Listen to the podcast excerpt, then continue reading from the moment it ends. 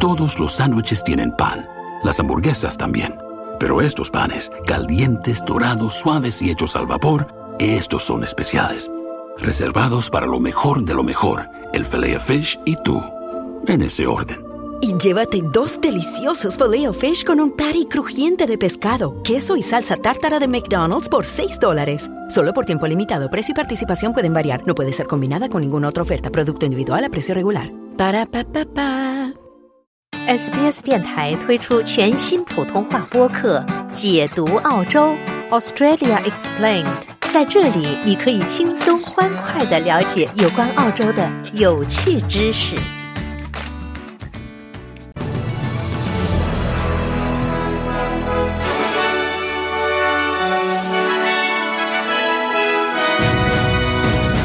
澳新部长今天在墨尔本举行首次会晤。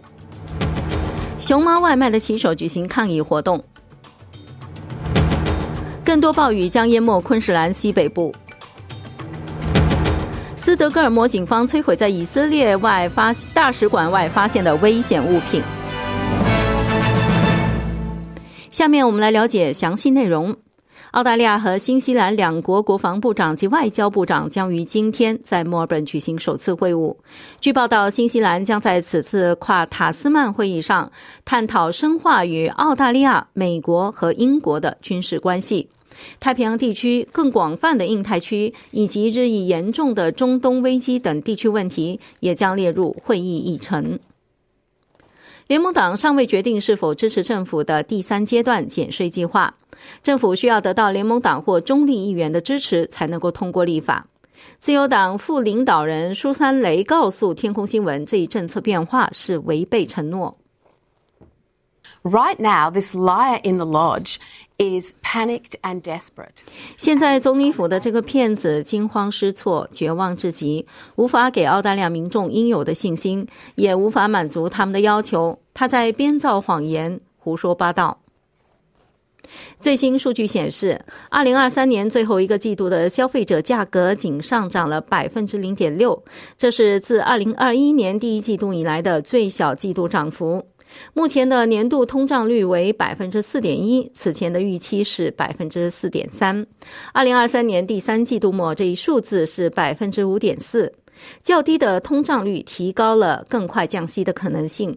查莫斯表示，通胀数据表明政府的政策对普通澳大利亚民众是有效的，在减税方面也应如此。It is really clear now, really beyond doubt. 现在真的很清楚，真的毫无疑问，工党的生活费用减免正在发挥作用。我们负责任的经济管理也在发挥作用。正因为如此，也因为我们理解民众仍面临巨大的压力，从七月一号开始的减税将是我们支持工人和家庭、支持女性和年轻人、钢铁工人和早期教育工作者的另一种方式。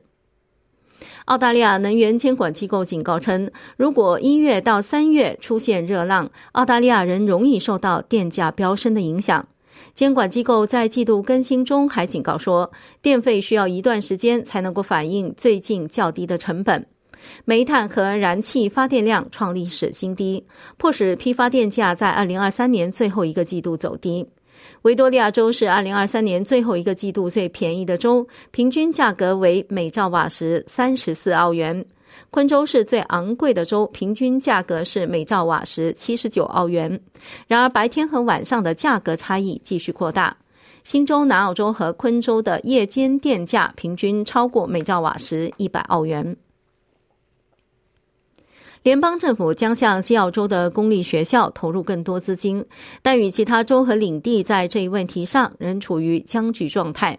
西澳洲的公立学校将获得大量的额外资金，西澳洲政府和联邦政府为学校提供的资金总额将达到十六亿澳元。该协议为最终将资金与旨在改善教育系统的改革挂钩奠定了基础。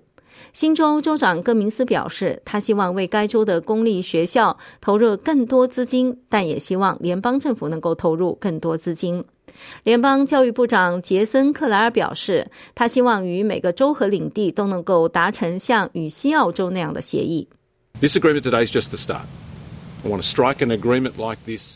今天的协议只是一个开始。我希望与全国各州各领地达成这样的协议，以确保我们为全国所有的学校提供充分、公平的资金。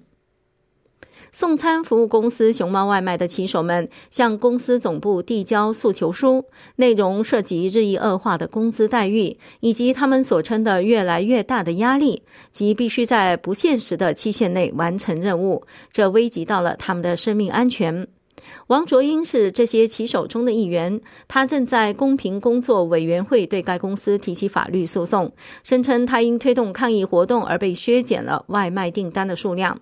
这次抗议活动是与运输工人工会共同组织的，是在熊猫外卖将摩托车骑手的基本外卖价格从七澳元降至四澳元，将自行车骑手的基本外卖价格从六澳元降至五澳元之后进行的。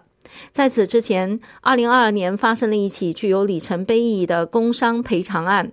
熊猫外卖骑手陈小军因公死亡，其家属获得了八十三点四万澳元的赔偿。运输工人工会全国秘书迈克尔·凯恩告诉 SBS 新闻，公司和政府需要确保骑手的安全。So there's two things that need to happen here. 因此，这里需要做两件事：公司必须始终承担责任，必须以可持续的方式运营。在澳大利亚，这是我们所期望的，这是我们多年来建立起来的系统。第二件需要做的事情是协助这一进程。目前，我们必须进行行业改革。零工经济是一种无法无天的自由经济。这些公司以独立承包商的身份雇佣。员工不受我们数十年来为雇员建立的保护措施的约束，这意味着这些工人很脆弱，他们处于致命的危险之中。议会需要解决这个问题。新州前州长克里斯蒂娜·肯尼利的儿子丹尼尔·肯尼利因以警察身份作出虚假陈述，导致一名活动人士被错误的监禁。今天，该案将在悉尼唐宁中心地方法院宣判。现年三十五岁的丹尼尔·肯尼利因在十二月份伪造证据而被定罪。丹尼尔撰写了一份声明，其中包含大量与卢克·布雷特·摩尔于二零二一年二月打给纽套警察局的电话有关的虚假内容。该声明包括声称摩尔想要杀害一名警官，导致这名活动人士被捕并被拘留三周。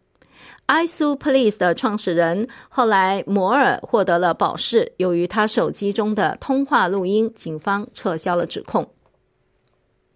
前热带气旋基里利不会很快消失，更多的暴雨将淹没昆士兰的西北部。该系统在卡本塔利亚湾重新增强为气旋的几率甚至非常低。前热带气旋基里利在伊萨山附近，在首次影响汤斯维尔附近海岸数天之后，将向海湾地区漂移。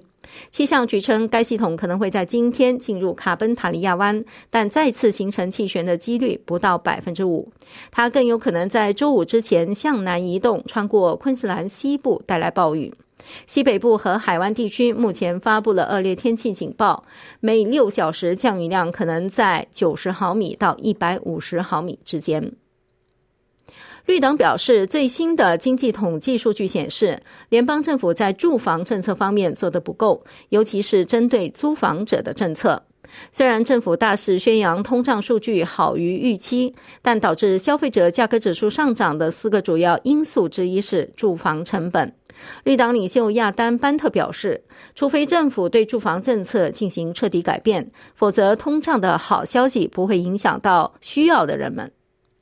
The data that's released today shows that cost of seafood is going down.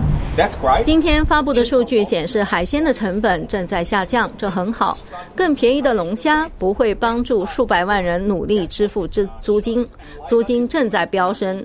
这就是这个数据所显示的。工党对此无所作为，工党继续支持无限制的租金上涨，绿党将继续争取租金冻结和租金上涨上限，因为这个国家太多的人正被推向崩溃的边缘。澳大利亚罕见癌症协会的负责人表示，他希望参议院调查能够真正改变罕见和不太常见癌症患者获得诊断和治疗的公平机会。每年约有五万二千名澳大利亚人被诊断出患有罕见或者不太常见的癌症，同期约有两万五千人丧生。这些癌症占该国癌症死亡人数的百分之三十七。RCA 的 Christian Cockburn 今天出席参议院调查，代表这些患者进行辩护。这位 CEO 说：“政府需要了解这些患者的经历，与那些患有更常见癌症的患者明显不同。” There is bipartisan agreement on uh, improving outcomes for cancer, of. 当然，两党就改善癌症结果达成了一致。澳大利亚癌症计划最近启动，它确实很有希望。我们非常乐观地认为，当它实施的时候将改变一切。但我们必须确保人们了解罕见的情况是不同的。它需要被视为优先人群，因为结果差得令人无法接受，这不公平。被诊断患有我们不完全了解的疾病的人被搁置一边，他们必须等待，这是不公平的。您正在收听的是 SBS 中文普通话节目。听众朋友，早上好，欢迎您继续收听 SBS 普通话新闻。下面来关注更多国际方面的消息。美国联邦调查局局长克里斯雷表示，中国政府黑客的目标是美国的关键基础设施，包括水处理厂、电网和交通系统。司法部和联邦调查局破坏了由数百个美国小型办公室和家庭路由器组成的僵尸网络。这些路由器由私人和公司拥有，并被中国国家黑客劫持，以掩盖其踪迹，并隐藏其传播恶意软件的来源。美国国土安全部网络安全部门主任珍伊·斯特利表示：“中国的军事学说是为了引发社会恐慌。” Uh, absolutely. So, you know, as I mentioned, uh, as I alluded to, it is Chinese military doctrine to attempt to induce. 正如我提到的，中国的军事学说是试图在他们的对手中引起社会恐慌。可以说，中国政府在二零二一年五月，科洛尼尔管道（美国最大的成品油管道系统）遭受勒索软件的攻击，东海岸的天然气供应中断了几天，美国人无法上班，无法送孩子上学，也无法送家人去医院，引起了一些恐慌。现在想象一下，如何引起大规模的恐慌？巴基斯坦前总理伊姆兰汗和他的妻子布什拉比比被判入狱十四年，这是两天内对这位前总理的第二次判决。这对夫妇因非法收受国家礼品而被定罪。这一判决是在大选前一周做出的。伊姆兰汗在大选中被禁止参选，汗已经因腐败而正在监狱服刑。他说，针对他的法律案件都是出于政治动机。斯德哥尔摩警方摧毁了在以色列大使馆外发现的所谓危险物品。国家防爆小组对该物体进行了评估，并将其销毁。以色列驻瑞典大使称，这是一起企图袭击大使馆及其雇员的事件。来关注体育方面的消息。板球比赛中，米奇马什被誉为最受欢迎的艾伦博德奖章的获得者之一。这位三十二岁的选手在最终重返测试队仅六个月后，就被加冕为澳大利亚最佳男子选手。马什告诉他的粉丝人群，他只是在颁奖典礼前才开始考虑获胜的可能性。I really hadn't really thought about it until a few of the boys started getting stuck into me that they thought I was going to. 我真的没有想到这一点。直到一些队员开始陷入我的困境，他们认为我是一个机会。我开始想，也许我可以赢得他。在午餐时，我喝了四杯啤酒。现在，我只希望我赢得这场比赛。不像新冠疫情，我们不会在三年后回顾过去的时候发现，哇，那是一段奇怪的时光。新闻节目的最后，我们来关注澳元的汇率和天气情况。在国际货币市场上，一澳元兑换零点六五八美元，一点零七三新西兰元；同时，一澳元可以兑换四点六九五元人民币，五点一四九港币，二十点五八八新台币。下面是天气情况：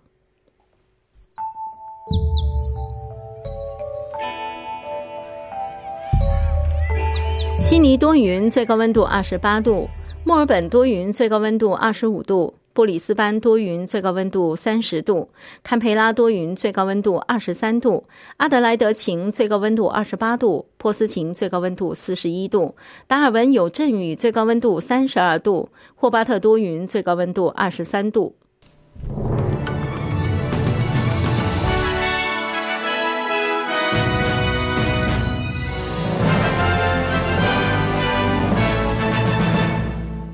了解澳洲，融入澳洲，欢迎登录 sbs 点 com 点 au 前斜杠 language 前斜杠 mandarin，获取更多澳大利亚新闻和资讯。